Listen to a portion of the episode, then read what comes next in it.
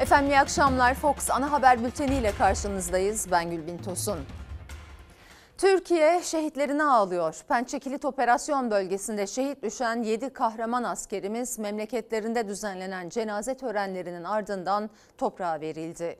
Ailelerin yaşadığı acı tarifsizdi. Şehitlerimize Allah'tan rahmet, aileleri ve yakınlarına başsağlığı diliyoruz. Namaz bu tarafta kılınacak. Hadi siz de bu tarafa geçin. Siz...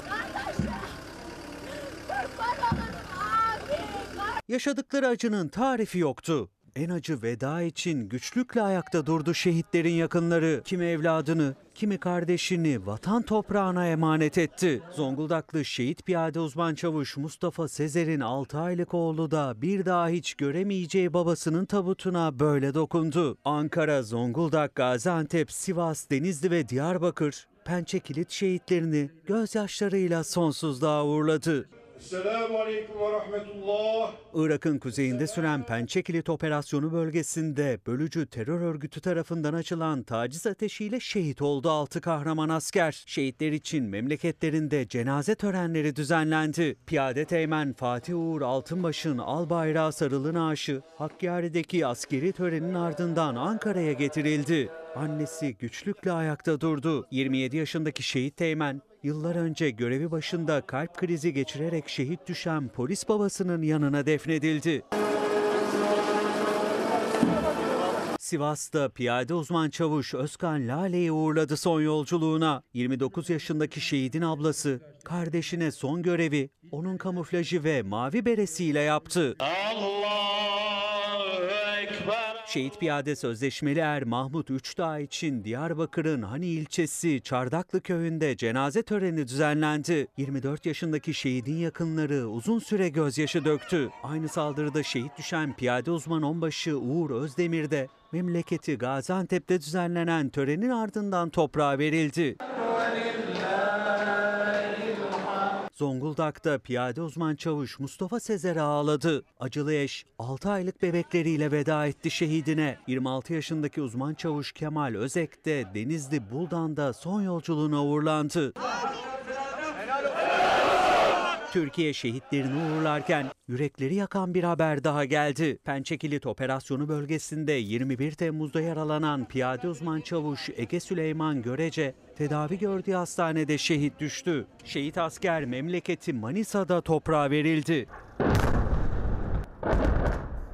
Mehmetçiğin operasyonları hız kesmeden sürüyor. Terör yuvaları hava destekli operasyonlarla yerle bir edildi. Milli Savunma Bakanlığı operasyon görüntülerini paylaştı. Suriye'nin kuzeyinde saldırı hazırlığı yapan 12 teröristin öldürüldüğü açıklandı. İki gün içinde Irak'ın ve Suriye'nin kuzeyinde toplam 19 terörist etkisiz hale getirilmiş oldu. Efendim bu akşam başlığımız hep aynı. Bu iki kelimenin neredeyse özleştiği diğer kelime zam artık. Aktaracağız akaryakıt zamlarını, ekmeğe nerede ne kadar zam geldiğini. Hep aynı vaatleri dinleyeceksiniz siyasilerden de. Sizler de görüşlerinizi yazabilirsiniz bu başlığa diyerek devam edelim. Türkiye dört farklı şehirdeki dört ayrı depremle sarsıldı. Önce Diyarbakır ardından Antalya ve Malatya. Sabaha karşı da Bingöl'de deprem oldu. 5,3 büyüklüğündeki deprem Malatya'da büyük paniğe yol açtı. Deprem uzmanı Profesör Doktor Naci Görür, maden tetkik arama haritasında olmayan yeni bir fay hattını işaret etti.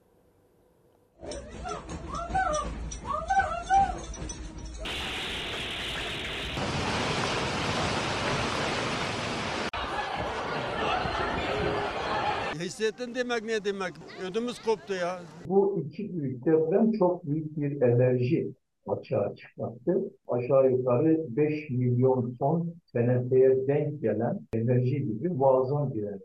O bölgedeki bütün kırıklar, paylar bundan etkilendiler. 6 Şubat depremlerinin vurduğu 11 ilden biriydi Malatya. Bölgede can kayıplarına ve yıkıma yol açan depremlerden tam 6 ay sonra Malatyalıların bir kez daha yüreği ağzına geldi. Yeşilyurt saat 20.48'de 5,3 büyüklüğündeki depremle sarsıldı. Deprem uzmanı Naci Görür, depremin kaynağı olarak maden teknik arama haritasında olmayan yeni bir fayı işaret etti. Bizim META canlı fay haritası üzerinde bir fay göremedim yani. Yani o öyle bir fay orada yok muydu? Muhtemelen e, Malatya fayına paralel veya bu fayı belli açıda kesen bir fay üzerinde olmuş olabilir. Böyle büyük depremlerin olduğu yerlerde stres transferine bağlı olarak bazı fay kolları tetiklenebilir. Deprem korkusu yaşayan tek şehir Malatya değildi. Önce Diyarbakır saat 15.25'te 4,2 ile ardından Antalya Gazi Paşa saat 16.16'da 4,5 ile sallandı. Peşindense saat 20.48'deki Malatya Yeşilyurt depremi geldi. Malatya depremiyle Doğu Anadolu ayaktayken Bingöl Karlova sabaha karşı saat 04.55'teki 4,3 büyüklüğündeki depremle sokaklara döküldü. 7.8, 7.6 depremlerin olduğu bir yerde deprem olursa bunları tesadüf diyemezsiniz. Malatya depremi sonrası İçişleri Bakanlığı can kaybı olmadığını, bir metruk binanın yıkıldığını, iki ağır hasarlı binanın da yan yattığını açıkladı. Sağlık Bakanı Fahrettin Koca da 23 kişi düşme ve yüksekten atlama sonucu yaralanmıştır bilgisini paylaştı. Bizler Maraş depremlerinin geldiğini söyledik ya. Evet. Önce bir, bir gün önce de demedik. Biz senelerdir söyledik. Geliyor, geliyor, geliyor, geliyor. Bunu niye dedik? Önlem alın, önlem alın, önlem alın diye. E ne oldu sonuç? Özel deprem yasası ile gündemde olan İstanbul için deprem uzmanı Naci Görür de bir kez daha uyardı. Üç gün önce bir yerde bir deprem olmuş. Hı hı. Bana soruyorlar. Diyorum ki ya o depremi bırak. Maraş'a bakalım, Maraş'a. O zaman da seninle konuşuyoruz, konuşuyoruz. Bir gece kalktık, on binler ölmüş. Yani İstanbul'da bekliyor muyuz demek işte her an, her an. Sayın seyirciler MHP Genel Başkanı Devlet Bahçeli daha önce evine dön diyerek seslendiği İyi Parti Genel Başkanı Meral Akşener'e bu kez yerel seçim için ittifak çağrısı yaptı. Çağırdık dönmediniz yuvaya, yerel iktidarda komşu olalım ülke hayrına dedi. Akşener o çağrıya yanıt vermedi ama İyi Parti milletvekillerinden açıklamalar var.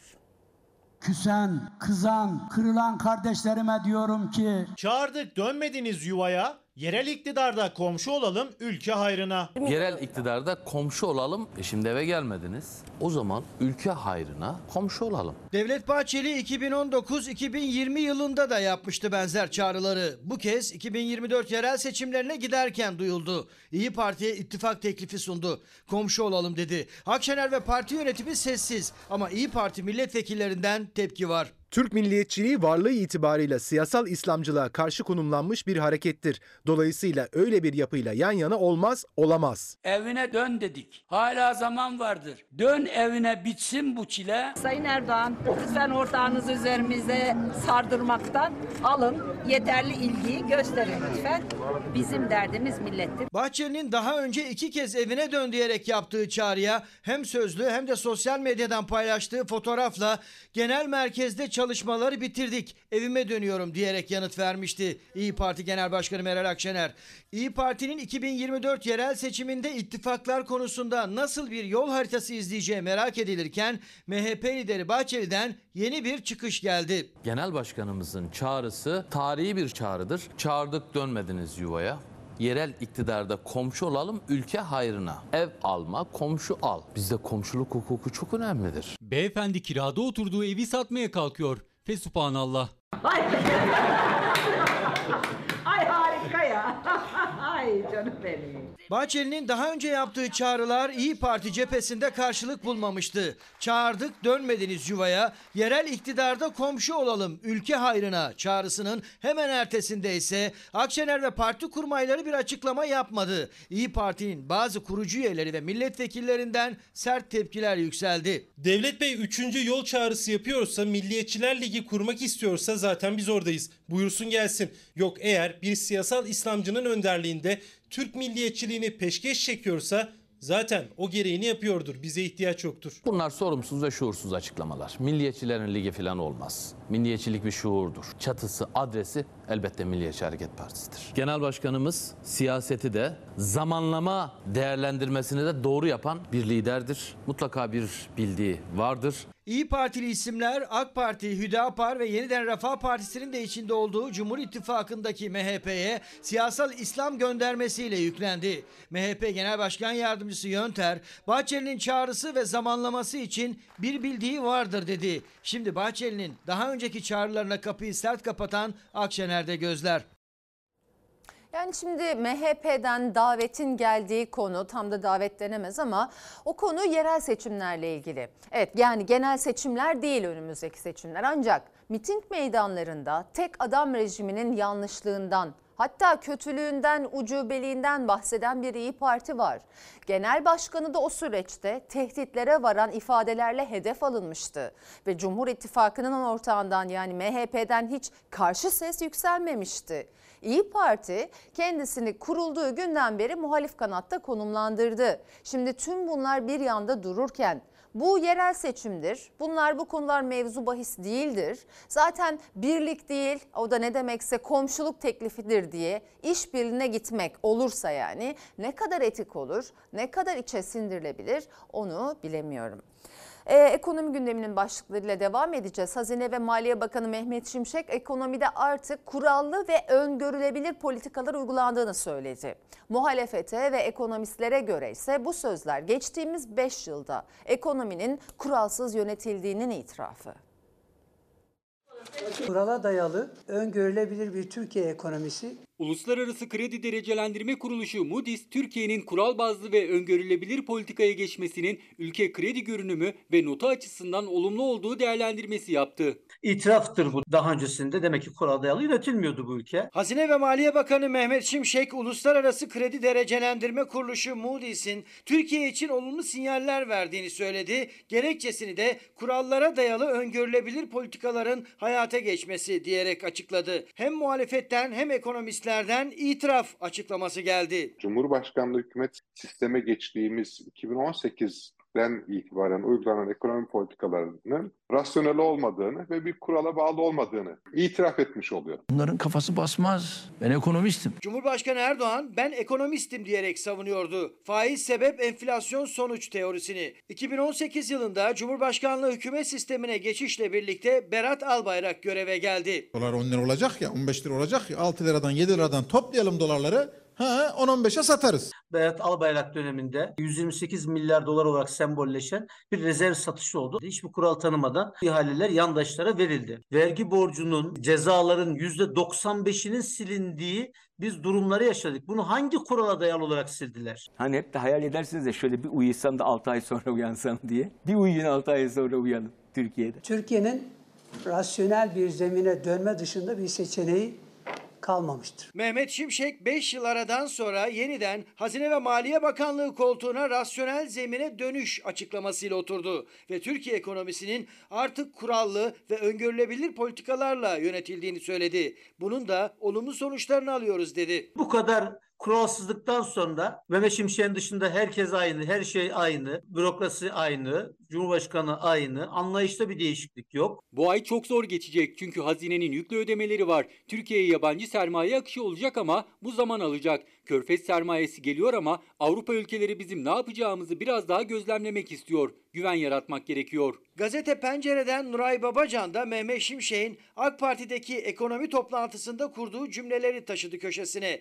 Şimşek Türkiye'nin önünde zorlu bir dönem olduğunu söyledi. Avrupa'dan gelecek yatırım için güven ortamının yaratılması gerektiğini. Batman'da yaptığı konuşmadaysa ihracatçıların finansmanı için yine Körfez ülkelerini işaret etti. Körfez merkezli finans kuruluşlarından da ihracatın finansmanda yönelik çok önemli imkanlar Türkiye'ye tahsis edilecek. Körfez sermayesi işte kurallı ekonomiye gelmez. Tam tersine kuralsız ekonomiye gelir. Bir yandan ben ekonomiyi kuralla yöneteceğim diyor. Bir yandan da kuralsızlığı bekleyen bir bölgeden sermaye getirmeye çalışıyor. Para politikasında enflasyonu tek haneye düşürecek çaba içerisine girmiş bulunmaktayız. Bu hükümetin ekonomi politikası nedir? Seçime kadar bu işi idare etmek. Seçime kadar idare edelim. Seçimden sonra Allah kerim. 2026 perspektifinde hazırlayacağımız orta vadeli programımızın hedefi tek haneli bir enflasyona ülkemizi tekrar kavuşturmak. Görülen o ki 2026'dan önce Türkiye'nin enflasyon sorununu çözmesi iktidardaki ekonomi yöneticileri tarafından bile pek muhtemel görünmüyor. Mehmet Şimşek tek haneli enflasyon için çabalıyoruz dedi ama tarih vermedi. Cumhurbaşkanı Yardımcısı Cevdet Yılmaz 2026'yı işaret etti.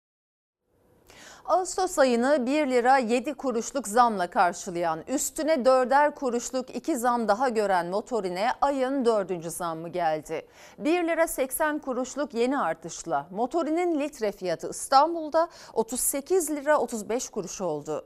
Seçimlerin gerçekliği, gerçekleştiği Mayıs ayından bu yana 50 litrelik depoyu doldurmak için artık 1000 liradan daha fazla para ödemek gerekiyor. Yine zamlandı. Halk çok zor durumda. Arabayı kullanamıyoruz. Kullanamıyoruz. Sırf onunla kalmıyor ki her şeye zam geliyor. Adam pazarcı malını taşıyacak. Yakıt bu tanker getirecek burayı dolduracak. O da yakıt yakıyor sonuçta. İğneden ipliğe her ürünün fiyatını yükselten motorine bir zam daha geldi. Motorinin litre fiyatı 1 lira 80 kuruşluk son artışla İstanbul'da 38 lira 35 kuruş oldu. Anadolu'nun birçok şehrinde fiyat 39 liranın da üstünde. Mazot 40 lira sınırına dayanmışken sürücüler çok değil 3 ay önceki fiyatları mumla arar oldu. 700 liraya depo doldurunca aman Allah'ım demiştik ama şimdi 700 liraya depo keşke de olsa. 2000 liraya kadar gidiyor yani. Akaryakıt istasyonlarında motorinin fiyatı yükselmeye devam ediyor. Son zam 1 lira 80 kuruş ve bu son zamla birlikte artık motorin 38 lira 35 kuruş. Demek ki ihtiyaç var bunu yapıyorlar ama halkımız artık perişan oldu.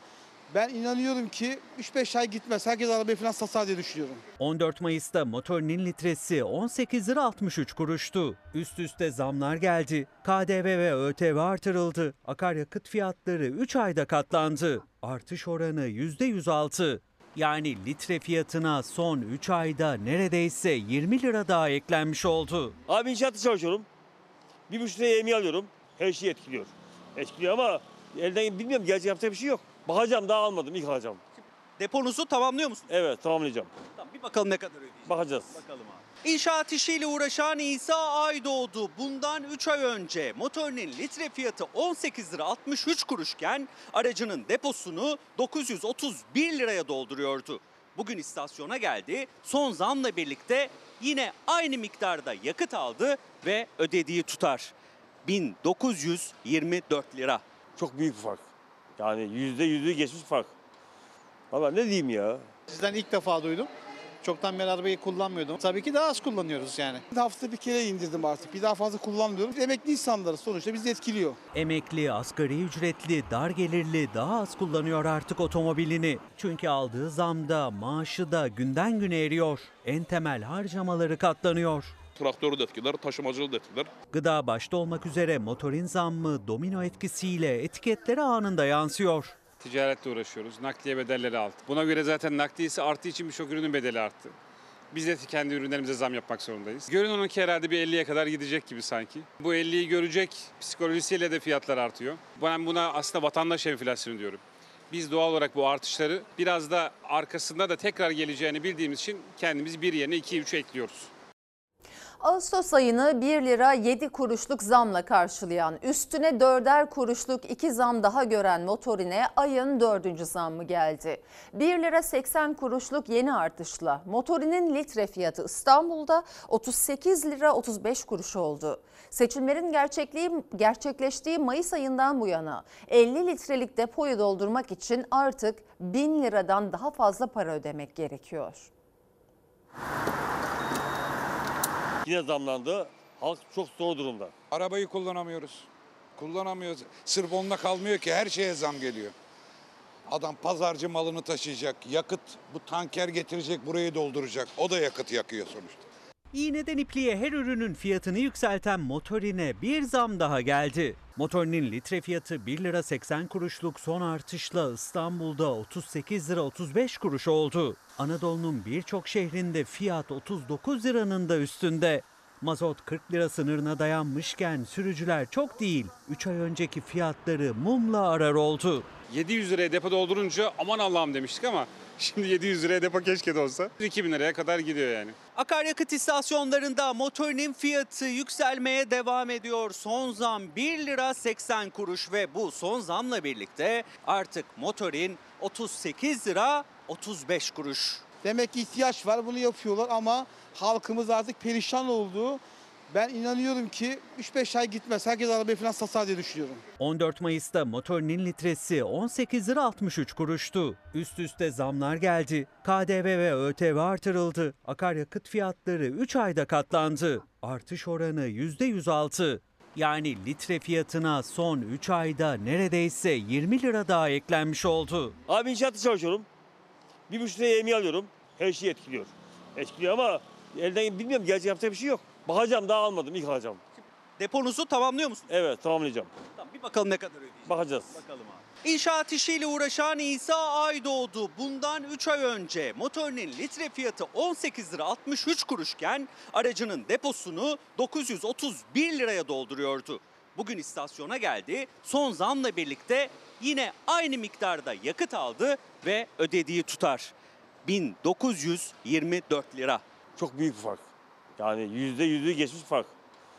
Valla ne diyeyim ya. Sizden ilk defa duydum. Çoktan beri arabayı kullanmıyordum. Tabii ki daha az kullanıyoruz yani. Haftada bir kere indirdim artık. Bir daha fazla kullanmıyorum. Emekli insanları sonuçta bizi etkiliyor. Emekli, asgari ücretli, dar gelirli daha az kullanıyor artık otomobilini. Çünkü aldığı zamda maaşı da günden güne eriyor. En temel harcamaları katlanıyor. Traktörü de etkiler, taşımacılığı da etkiler. Gıda başta olmak üzere motorin zammı domino etkisiyle etiketlere anında yansıyor. Ticaretle uğraşıyoruz. Nakliye bedelleri arttı. Buna göre zaten nakliyesi arttığı için birçok ürünün bedeli arttı. Biz de kendi ürünlerimize zam yapmak zorundayız. Görünen o ki herhalde bir 50'ye kadar gidecek gibi sanki. Bu 50'yi görecek psikolojisiyle de fiyatlar artıyor. Ben buna aslında vatandaş enflasyonu diyorum. Biz doğal olarak bu artışları biraz da arkasında da tekrar geleceğini bildiğimiz için kendimiz bir yerine 2-3 ekliyoruz. Ekmeğe de zam geldi. İstanbul'da 200 gram ekmek 5 lirayda 6,5 lira oldu. Maliyetlerin karşısında duramayan pek çok fırıncı zaten o fiyata satıyor ekmeği. Dar gelirliye göre ise sofralarının en önemli besin maddesi artık bütçeleri sarsıyor. Ayda ne yapar? 700 lira falan para yapıyor. Zorluyor mu? E tabii ki zorluyor. Emekli olarak aldığımız maaşlara veya yapılan zamlara göre çok çok yüksek. Üç tane aldım misafirim var. Ne kadar vereceksiniz? 27 bin lira. Eğer başka gelirin yoksa emekliye ben su içsem bana yetmez. 7,5 milyon maaş alıyorum ben. Ekmeğe para değil, suya bile para yok. Manava gidiyorsun, bir bakkala gidiyorsun. 500 lirayla, 1000 lirayla çıkamıyorsun. İTO bunu nasıl yaptı bilmiyorum üretici olarak. Böyle bir rakamlarla ekmek satmamız mümkün değil. Bugünkü raiş değeri ne olur derseniz 10 liradan aşağı ekmek kurtarmıyor. Ekmek üreticisi maliyetleri karşısında 10 liradan aşağı olmaz diyor ama İstanbul Ticaret Odası %30 zamla 200 gram ekmeği 5 liradan 6,5 liraya yükseltti. Dar gelirliye göre bu fiyat da çok yüksek. Kaç ekmek alıyorsunuz? Biz iki tane alıyoruz. Ayda ne kadar yapıyor? 450 lira yapar. Çok değil mi? Çok, çok para. İTO 200 gram ekmeğin fiyatını 5 liradan 6,5 liraya çıkarttı ama İstanbul genelinde ekmek zaten uzun süredir zamlı satılıyor. Bu fırında da 230 gram ekmeğin fiyatı 7,5 lira. İstanbul'da semtten semte değişen ekmeğin fiyatı 8 liraya kadar çıkıyor. Anadolu tarafında 35 lira kilogramı olan bir ekmen İstanbul'da 32 lira olması mümkün değil. İTO İstanbul'da ekmeğin kilogram fiyatını 32,5 lira olarak belirledi. 200 gram ekmek 6,5 lira, 230 gram ekmek 7,5 lira olacak. Ancak zam gelmeden de fırınlarda ekmek bu fiyatlardan satılmaya başlanmıştı. Ben Bodrum'daydım yeni geldim işte az önce aldım 7,5 Bodrum'da da 10 liradan alıyordum. Yalnız çok pahalı. 365 aldığımız ekmek un 580 lira. Konya 685 lira diyor. Bizim elektrik tüketimimiz 90 bin lira aylık. 52 bin lira geçen ay doğalgaz ödedik. Çalışanlarına ödediği ücret, sigorta, bir de fahiş dükkan kirası eklendiğinde fırıncılar da işin içinden çıkamıyor. Maliyetleri karşılayamamaktan yakınıyorlar. Kar önemli değil. Yeter ki dönelim. Ama dönemiyoruz inanın. Asgari ücret devamlı 2-3 defa arttı. Artsın, alsınlar ama biz vergisini ödüyoruz. Burada ekmek 7,5 lira fırında. Siz ne kadar aldınız? 5 lira. Buradan alsaydınız iki ekmeği. Yet, olmaz yet, şey yapamam. 15 Bütçem. lira. Daha bütçem yetmez. Şimdi 10 lira verdik. 5 lirayı da kullanacağız inşallah. Dar gelirli mecburen 5 liralık halk ekmeğe yöneliyor. Sadece ekmek değil, simit de zamlandı. İzmir'in gevreği 3 liralık zamla 7 liradan 10 liraya yükseldi. 7,5 lira maaş alıyorum yıllık. Kira ödüyorum. İki tane çocuk var. Nasıl yetiştireceğim? Fırından alsaydınız ne kadar verecektiniz? Bilmiyorum, sormuyorum çünkü zoruma gidiyor. Keyfimden de almadım mı yani bunu? Yani vaziyete göre ayar çekmeye çalışıyoruz. Başka çok çaremiz keşke olsa ama yok. Yok. Gıda ürünlerindeki fiyat artışları cirolara da yansıdı. TÜİK verilerine göre gıda sektöründeki kazanç satış hacminin çok üstünde. Acil ihtiyaç olmayan diğer ihtiyaçların satışındaysa düşüş var. Özellikle de bilgisayar ve cep telefonu gibi iletişim cihazlarında. Son fiyat artışlarından sonra piyasadaki durgunluğu rakamlar da doğruladı. Önceden biz kilolarla soğan alırdık, patates alırdık. Şimdi taneye düştüm ben. Bir aydır alışverişe çıkmamışım evden. Gıdadan başka hiçbir şey harcama yapamıyorum. Tüketici önce temel ihtiyaçlarını karşılamak için uğraşıyor. Çoğu zaman o bile eksik kalıyor çünkü enflasyon zorluyor. TÜİK'in açıkladığı perakende satış endeksinde de enflasyon verilerle gösterdi kendini. Haziran ayında gıdada satış hacmi %2,3, ciro yani elde edilen gelirse %6,2 arttı. Yani az ürün satıldı ama çok para kazanıldı. Çünkü ürünler pahalı. Gıda dışı ürünlerde ise alışveriş durgunluğu var. İlk önce boğazımızı düşünüyoruz.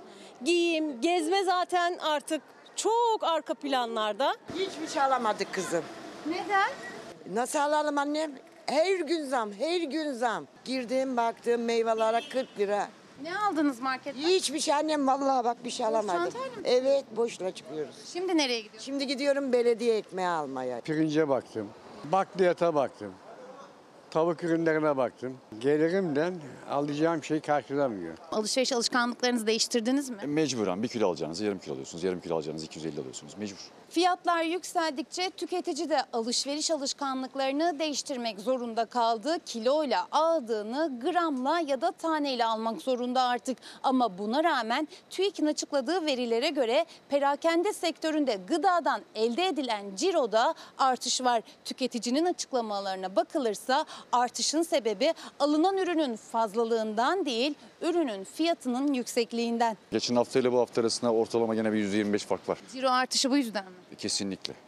Gramaj az, fazla fiyat. Gıda dışı alışverişler de ihtiyaç aslında ama alım gücünü yitiren ücretliler için lüks sayılıyor artık. TÜİK'in verileri de tüketicileri doğruluyor. Gıda dışındaki birçok kalemde satış hacimlerinde düşüş var. En fazla düşüş bilgisayar, kitap ve iletişim araçlarında. İlk telefon dedi ÖTV'siz şey vergisiz olacak dedi. İlk tablet vergisi olacak dedi ama işin reel kısmında böyle bir şeyle karşılaşmadım. 250-300 liralık civarında bir telefon faturası kullanıyorum ama çok ciddi hani pahalı bence. Zorlanıyorum. Gençlerimize bir defaya mahsus olmak üzere cep telefonu ve bilgisayar ediniminde vergi muafiyeti sağlayacağız. Ayrıca aylık 10 GB ücretsiz internet vereceğiz. Seçim öncesi gençlere yönelik vaatlerin ilk sırasında teknolojik aygıtlara erişim kolaylığı vardı. İletişim cihazlarının fiyatı da internet ve telefon faturaları da yüksek ve gençler vaatler gerçek olsun diye beklerken yeni zamlar geldi üst üste. Haziran ayında bu ürünlerin satışında da bu ürünlerden elde edilen gelirlerde de düşüş var. Üstelik bu düşüş vergi ve kur farkının yansımasından önce gerçekleşti. Gıda zorunlu bir ihtiyaç. Onun için herkesin alması lazım. Ama bilgisayar bir lüks haline geldi ki bence böyle olmaması lazım özellikle vergilerden sonra. Seçim sonrası iktidarın vergi artışları ile birlikte getirdiği çifte motorlu taşıtlar vergisinin ilk taksidi için son gün 31 Ağustos. CHP Anayasa Mahkemesi'ne götürdüğü düzenleme için çağrı yapıyor. Çifte verginin iptali için Yüksek Mahkemenin 31 Ağustos'a kadar karar vermesini istiyor. Ek motor taşıtlar vergisi geldi duymuşsunuzdur. Zorumuza gidiyor yalan yok. Türkiye'de maalesef anayasaya bile aykırı olan mükerrer vergi ödemesini ödemeyi de düşünmüyorum. Benim Anayasa Mahkemesi'nden isteğim 85 milyon adına talebim bir an önce ya yürütmenin durdurulması kararının verilmesi ya da esasdan bir karar vermesi. Ek motor taşıtlar vergisinin birinci taksit ödemesinin son günü 31 Ağustos. Anayasa Mahkemesi o tarihten sonra düzenlemeyi iptal etse dahi Ağustos ayında ek MTV ödeyenler paralarını geri alamayacak. Çünkü Anayasa Mahkemesi kararı geçmişe dönük işlemiyor. CHP Yüksek Mahkeme'ye Ağustos ayı için karar verin çağrısı yapıyor. Bu ülkede namusuyla vergisini ödeyenler varsa onlar her zaman şanssızdır ve mağdurdur. Cezalandırılır çünkü Anayasa Mahkemesi'nden bir iptal kararı çıktığında devlet geri mi ödeyeceğini zannediyorsunuz? Hayatta ödemeyecek. Seçimden sonra iktidar depremin yarattığı maliyeti de gerekçe göstererek ek motorlu taşıtlar vergisi getirdi. Milyonlarca araç sahibi 2023 yılında çifte MTV ödeyecek. Ek MTV'nin birinci taksidi Ağustos ayı içinde ödenecek. İkinci taksit tarihi Kasım ayı. Geldi ödedik. Ağustos ayında ödediniz mi ilk vergi? Maalesef evet. Ek motorlu taşıtlar vergisi ödenmezse ne araç alım satımı yapılabiliyor ne de araçların muayeneleri. Gecikme faizi de uygulanıyor. Eğer araç sahipleri Anayasa Mahkemesi iptal kararı verir ve ek MTV ödemelerini iptal ederse düşüncesiyle ödeme yapmazlarsa bu sefer araçlarla ilgili cezai yaptırım uygulanacak. Eğer ödeme yaparlarsa ve Anayasa Mahkemesi de iptal kararı verirse ödeme yapanlar ek MTV ödemelerinin iadesini geri alamayacak. Anayasa Mahkemesi kararları e, verildiği tarihten e, sonra yürürlüğe giriyor. Asla ve asla Maliye Bakanlığı bu paraları geri iade etmez. Ödemeyeceğim. Çünkü artık devlete bir para vermekten, devleti doyurmaktan sıkıldım, yoruldum. Zar zor geçiniyorum zaten. Devletin bana destek olacağı yerde ben devlete destek olmaya başladığımı düşünüyorum. Bir daha vergi ödemek bizim yani çok zorumuza gidiyor. Çünkü ek bir yük bindiriyor bize. Yani istemiyoruz. Kararı bekleyeceğiz. İşte bu kargaşaya mal vermemek adına 31 e, Ağustos'tan önce en geç bir karar vermesi lazım. Burada yaşamadığım için Siz başka ülkedeyiz. evet evet evet Viyana'da. Hayır hayır yasak. Bizde öyle bir şey yok. Ama burada öyle bir şey yok. Burada hep milletin cebinden çekiyor, halkın cebinden alıyor parayı. 2003 yılındaki ek MTV düzenlemesini iptal etmişti Yüksek Mahkeme. Araç sahipleri kararsız. Anayasa Mahkemesi'nden iptal bekleyenler cezaları göze alarak ödeme yapmıyor. 84 lira olarak açıklanan taban fiyat fındık üreticisini memnun etmedi. Toprak Mahsulleri Ofisi 28 Ağustos'ta alımlara başlayacak. Ama öncesinde Tarım Bakanı İbrahim Umaklı'dan bu fiyatın altında satmayın çıkışı geldi. Fındık gibi birçok tarım ürününde tüccarın eline düşen çiftçi devletin açıkladığının çok altında fiyatlarla ürününü satmak zorunda kalıyor. Fındığın fiyatını açıklıyorlar ama üreticinin fındığı kaç liradan satacağının hesabını hiç yapmıyorlar. Giresun kalite için kilogram başına 84 lira. Levant kalite için kilogram başına 82 lira 50 kuruş olarak belirlenmiştir. O fiyattan fındığımızı satalım başka bir şey istemiyoruz. Maliyetin altında açıklanan rakam zaten hayal kırıklığına uğrattı fındık üreticisini. Tarım ve Orman Bakanı İbrahim Yumaklı'nın açıklaması da şaşırttı. Yumaklı fiyatın referans olduğunu söylediği üreticinin bu rakamın altında bir fiyata ürününü satmamasını istedi. Ama TMO'nun kotası sınırlı. Her yıl fındığını tüccara çok daha düşük fiyattan satmak zorunda kalan üreticiler oluyor. Üreticilere sesleniyor. Benim verdiğim fiyatın altında piyasaya götürüp mümkün mertebe fındık satmayın. Anlaşılır gibi değil. Çünkü şu anda üretici zaten piyasaya borçlu. Bu borcu kim ödeyecek? Sen TMO olarak, devlet olarak üreticiye bir önden para mı verdin de, kredi mi verdin de bu insanlar gidecek de onlara parayı, bu fındığı satmayacak? Toprak Mahsulleri Ofisi'nin açıklamış olduğu fiyat referans fiyatıdır. Biz üreticilerimizin bunun altında bir fiyatla satmalarını istemiyoruz. Eğer çok acil bir durum yoksa üreticilerimizden bu fiyatın altında herhangi bir fiyattan ürünlerini satmamalarını özellikle istirham ediyoruz. Biz önceden gübrenin parasını, ihtiyacımızın parası. parasını tüccardan aldığımız için fındığı biz tüccara götürmek zor- zorunda kalıyoruz.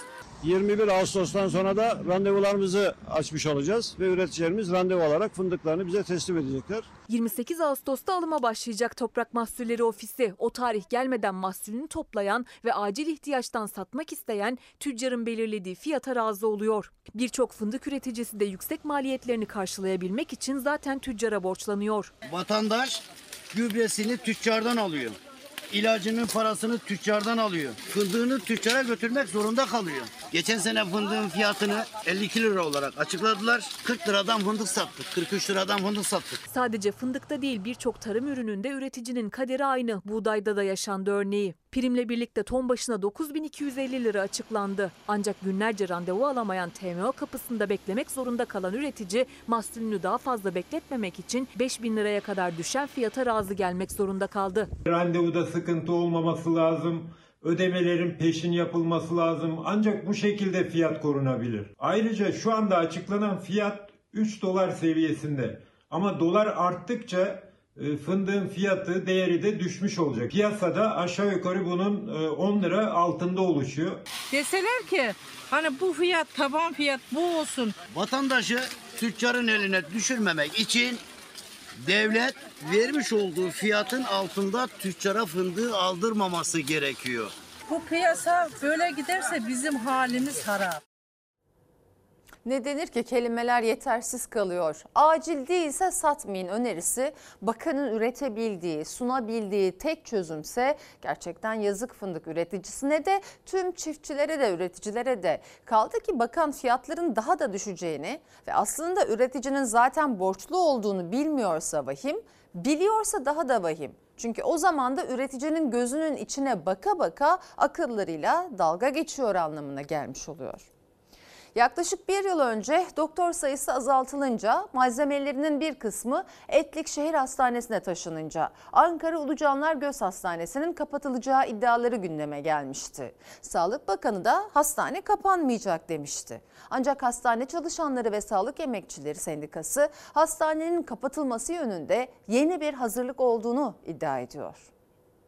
Bakanlık her kamuoyu baskısı döneminde bir geri adım atsa da iki ileri adım atmaya devam ediyor. Hastaneleri birleştirme adı altında Ulucanlar Gözü tekrardan kapatmak istiyor bakanlık. Mümkünse burayı da daha ellemesin. Artık daha o şehir hastanesi dünyanın öbür ucu. Burada dursun. Etlik Şehir Hastanesi'nin açılması sonrası doktor sayısı azaltılan, malzemelerinin büyük kısmı taşınan Ulucanlar Göz Hastanesi'nin yeniden kapatılma tehlikesiyle karşı karşıya olduğunu söylüyor Sağlık Emekçileri Sendikası. Dış kapının karşısındaki Sent Polikliniği eski askeri hastane olan mevki polikliniğine Ulucanlar Gözü taşıyacağını ifade ediyor. Dış kapıyla bir nevi birleştireceğini ifade ediyor ama bu bir kapatmadır. Yani içerideki insanlar da zor durumda. Ne yapacaklarını hemşireler düşünüyorlar. Ne yapacağız? Nereye gideceğiz? Nasıl başlayacağız? Nerede olacağız? Acaba tayine mi çıkacağız? Türkiye genelinde kamuya ait göz hastalıklarında iki eğitim araştırma hastanesinden biri Ulucanlar Göz Hastanesi.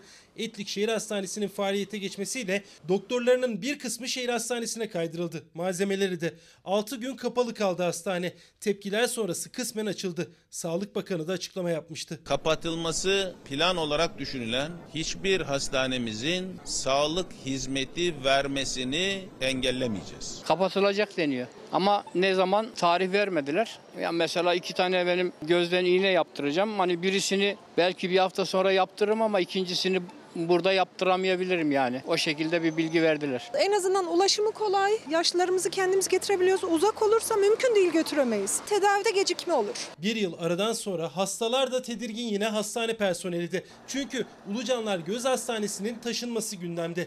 Dış kapı SSK Hastanesi'nin bazı bölümlerinin de taşındığı mevki hastanesine. Sağlık Emekçileri Sendikası bu Ulucanlar Göz Hastanesi'nin kapatılması diyor. Dış kapı eğitim araştırma hastanesi 760 yatak. Ulucanlar Göz Hastanesi 85 yatak. Yani bu iki hastaneyi birleştirdiği ve hizmet sunacağı mevki hastanesinin yatak sayısı 70. Vatandaş mecburen özel sektöre yönlenmek durumunda kalıyor. Dul ve yetim maaşıyla nereye gidin ben özele? Hastanemizi konforlu hale getirsin, ellemesin. Hastanelerin yerinden oynamasını ben kabul etmiyorum. Ulucanlar Göz Hastanesi'nin akıbeti ne olacak? Sağlık Bakanlığı şimdilik sessiz. Bursa'da bu yıl yedincisi düzenlenecek olan Nilüfer Müzik Festivali'ne kaymakamlıktan alkol ve kamp yasağı geldi. Belediye de tepki olarak festivali iptal kararı aldı.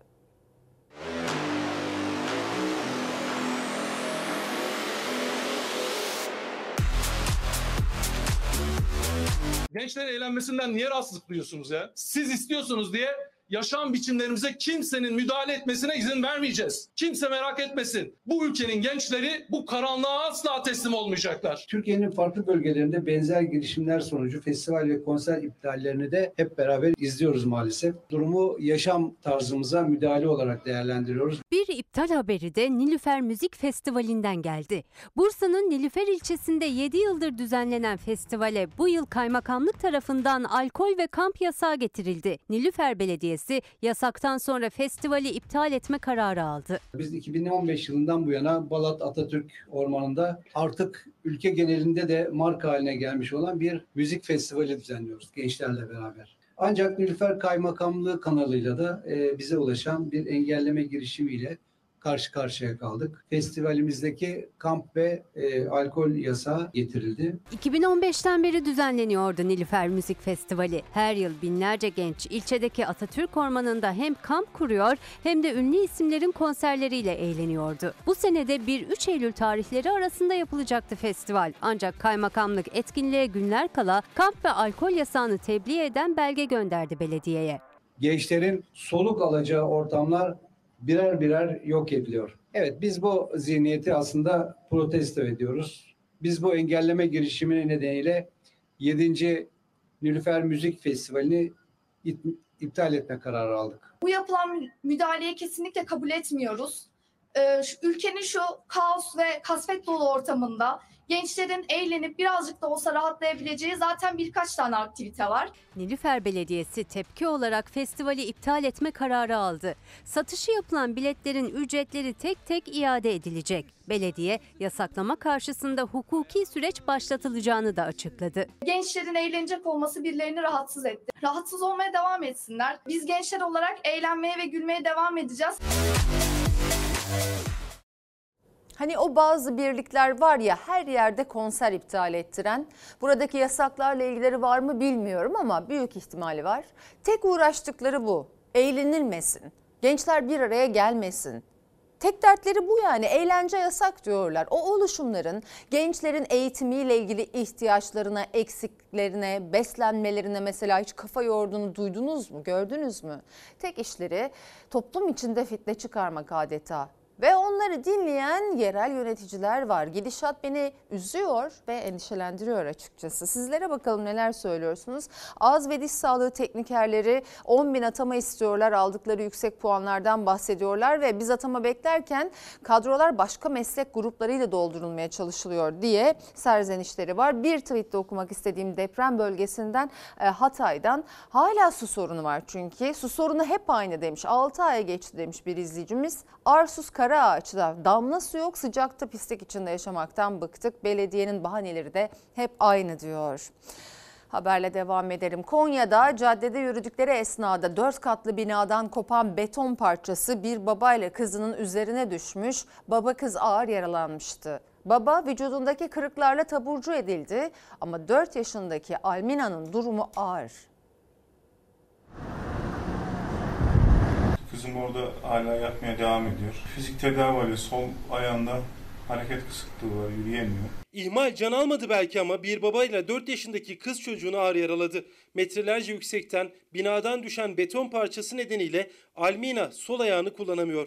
10 gün sonra dahi o binanın çevresinde bir önlem yok. İhmali olanlara ilişkin bir gözaltı bile. 2 Ağustos çarşamba günü eşimle kızımla mobilya alışveriş için kızımı çarşıya çıktık. Ses duydum. Nereden ne geliyor bilemedim. Çocuğumu hemen korumak istedim. Konya Akşehir'de alışverişe çıktı Candan ailesi. 4 yaşındaki Almina'nın odasına mobilya almak için İnönü Caddesi üzerinde yürürken baba Mehmet Can'dan bir ses duydu. Çocuğumu hemen korumak istedim. Bir anda kucağıma aldığımda beton parçalarının düşmesi biri oldu. Yere yıldım. Gözümün önünde çocuğum kafasında gördüm kanadığını.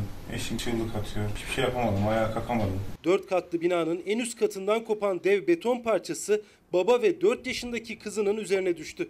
Baba Mehmet Can'dan 3 gün yoğun bakımda kaldı. 3 günde serviste. Taburcu oldu ama vücudunda kırıklar var. 4 yaşındaki Almina Günay ise hala hastanede ve durumu daha ağır. Kafatasında kırıklar var. Ameliyat sonrası sol kolunu kullanabiliyor ama sol ayağının felçli kalma tehlikesi var. Belki benim çocuğum yürüyemeyecek. 4 yaşında cıvıl cıvıl bir çocuk. Bir hafta 10 gün önce binadan zaten parçalar düşmüş. Sadece süpürerek devam etmişler. Hiçbir önlem alamamış, hiçbir sorumlu dikkate almamış. Bina sahibi, kimse bununla ilgilenen belediye ise Bina hakkında risk raporu olmasına, daha önce de beton parçalarının caddeye düştüğü bilinmesine rağmen bir önlem alınmaması bir baba ve kızını neredeyse hayattan koparıyordu. Bugün de bina çevresinde bir önlem yok. Soruşturma açıldı ama ihmali olanlara ilişkin henüz bir işlem olmadığını söylüyor aile. buna sebep olan, umursamayan kim varsa sorumluların cezasını çekmesini istiyorum. İzmir'de 15 Temmuz akşamı arkadaşlarıyla birlikte eğlenmeye giden 19 yaşındaki Veli Eren Atay bir daha evine dönemedi. Anne babası 27 gündür endişeyle bekliyor. Onu çok özledik. Bir anne olarak herkese yalvarıyorum. Acımız çok büyük. Elimde bir tek fotoğrafı kaldı. Evladımı çok özledim. Kokusunu özledim. Tam 27 gündür evlat hasretiyle yanıyor yüreği. Arkadaşlarıyla eğlenmek için evden çıkan Veli Eren Atay bir daha dönmedi. 19 yaşındaki genç sırra kadem bastı. Anne babası gözyaşları içinde bulunmasını bekliyor. Aynı yerde zayıf duruyoruz ve lütfen yalvarıyorum bir anne olarak içim bu kadar acıyamazdı size tarif bile edemem içimin acısını. Veli Eren Atay 15 Temmuz akşamı arkadaşlarıyla birlikte İzmir'deki evinden Çeşme'ye eğlenmeye gitti. Gece yarısı annesiyle telefonda görüştü. O son konuşması oldu anne oğlun. Veli Eren o gece ortadan kayboldu. Oğlunun beraber gittiği arkadaşları gece mekanda ondan ayrıldıklarını e, söylüyorlar. Oğlumun o mekanda saat 4'e kadar kiminle kaldığını bilmiyoruz. Polis ekiplerinin yaptığı incelemeye göre güvenlik kameraları son olarak tek başınayken kaydetti Veli Eren'i. Sonrasında arkasında tek bir iz bile bırakmadan kayboldu. Evladıma kavuşmak istiyorum. Herkese sesleniyorum lütfen. Çeşme'deki, bütün Türkiye'deki herkese sesleniyorum. Ne olursunuz evladımın fotoğrafı her yerlerde yayınlandı. O kadar çaresiziz ki herkesten destek yardım bekliyoruz. Yalvarıyorum oğlumu bulsunlar. Evladımın yatağı boş kaldı, sandalyesi boş kaldı. İzmir Büyükşehir Belediye Başkanı Tunç Soyer de sosyal medya hesabından yaptığı paylaşımla Veli Eren'in bulunabilmesi için çağrı yaptı. Duyarlılığınıza ihtiyaç duyuyoruz. Herhangi bir ipucu veya bilgi paylaşmak isteyen herkesi yetkililere ulaşmaya davet ediyorum. O kadar çaresiz kaldık ki ya bütün Türkiye'ye sesleniyorum. Oğlum her yere gitmiş olabilir şu anda. Evladımızdan haber alamıyoruz biz. Evladımıza kavuşmak için her şeyi yapmaya hazırız. Güvenlik kameraları Veli Eren'in arkadaşlarının bilgisi ve görgü tanıklarının anlattıkları gencin bulunması için yeterli olmadı. Acılı ailesinin ona kavuşması için daha çok bilgiye ve görgü tanığına ihtiyaç var. O bölgede bir kamera olmadığı için e, hiçbir şey belli değil. Halktan artık yardım istiyorum. Çünkü onları oğlumu gören mutlaka onlar. Allah'ın izniyle kavuşacağız oğlumuza. Eh, uzaya turistik seyahat artık hayal değil. Yıllardır bu konuda çalışan bir Amerikalı şirket uzaya ilk sivil yolculuğu gerçekleştirdi. Uçuşun ücreti ise 450 bin dolar yani yaklaşık 12 milyon Türk lirası.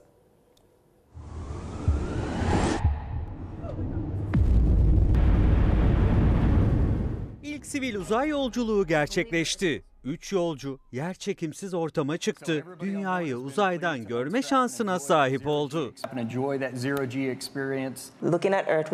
Dünyaya uzaydan bakmak çok şaşırtıcı ve muhteşemdi. Bunu tekrar yapmayı çok isterim. Uzay turizmi için tarihi bir gün yaşandı. Amerikalı Virgin Galactic şirketi uzaya ilk turistlerini taşıdı. Geziye bir anne kızla birlikte Parkinson hastası olan eski olimpiyat sporcusu katıldı. Üç yolcu ve mürettebatın bulunduğu uzay aracı belli bir yüksekliğe kadar taşıyıcı uçakla gitti. Ardından motor ateşlendi ve araç uçaktan ayrıldı. Kalkıştan 45 dakika sonra yaklaşık 88 kilometre yüksekliğe ulaştı. Yer çekiminin olmadığı noktada kemerler çözüldü. Uzay sınırını geçerek astronot olan 3 yolcu dünyayı uzaydan izleme keyfini yaşadı. En etkileyici olan şey dünyaya uzaydan bakmaktı. İnanılmaz bir deneyimdi. Şüphesiz ki hayatımın en heyecan verici günüydü. Uzay aracı henüz dünyanın yörüngesinde tam bir tur tamamlayacak hıza sahip değil. Bu nedenle birkaç dakika sonra araç dünyaya dönüşe geçti. Tüm yolculuk 100 dakikaya yakın sürdü. Antillerde yaşayan anne, İskoçya'da okuyan 19 yaşındaki kızının kazandığı çekilişle çıktı uzaya. Eski İngiliz sporcuysa bundan 18 yıl önce 200 bin dolar ödeyip bilet almıştı. Bugün içinse uçuş fiyatı 450 bin dolar. Yaklaşık 12 milyon lira. Amerikalı şirkete göre bugün itibarıyla 800 kişi uzay yolculuğu için sırada bekliyor. Listedekilerin bir kısmı 10 yıldan fazla süredir sıranın kendilerine gelmesini bekliyor. Şimdi ara zamanı. Efendim Fox ana haber bültenini burada noktalıyoruz. Fox'ta yayın kısmetin yeni bölümüyle devam edecek. İyi bir akşam geçirmenizi diliyoruz. Hoşçakalın. Feda bir tek dostuma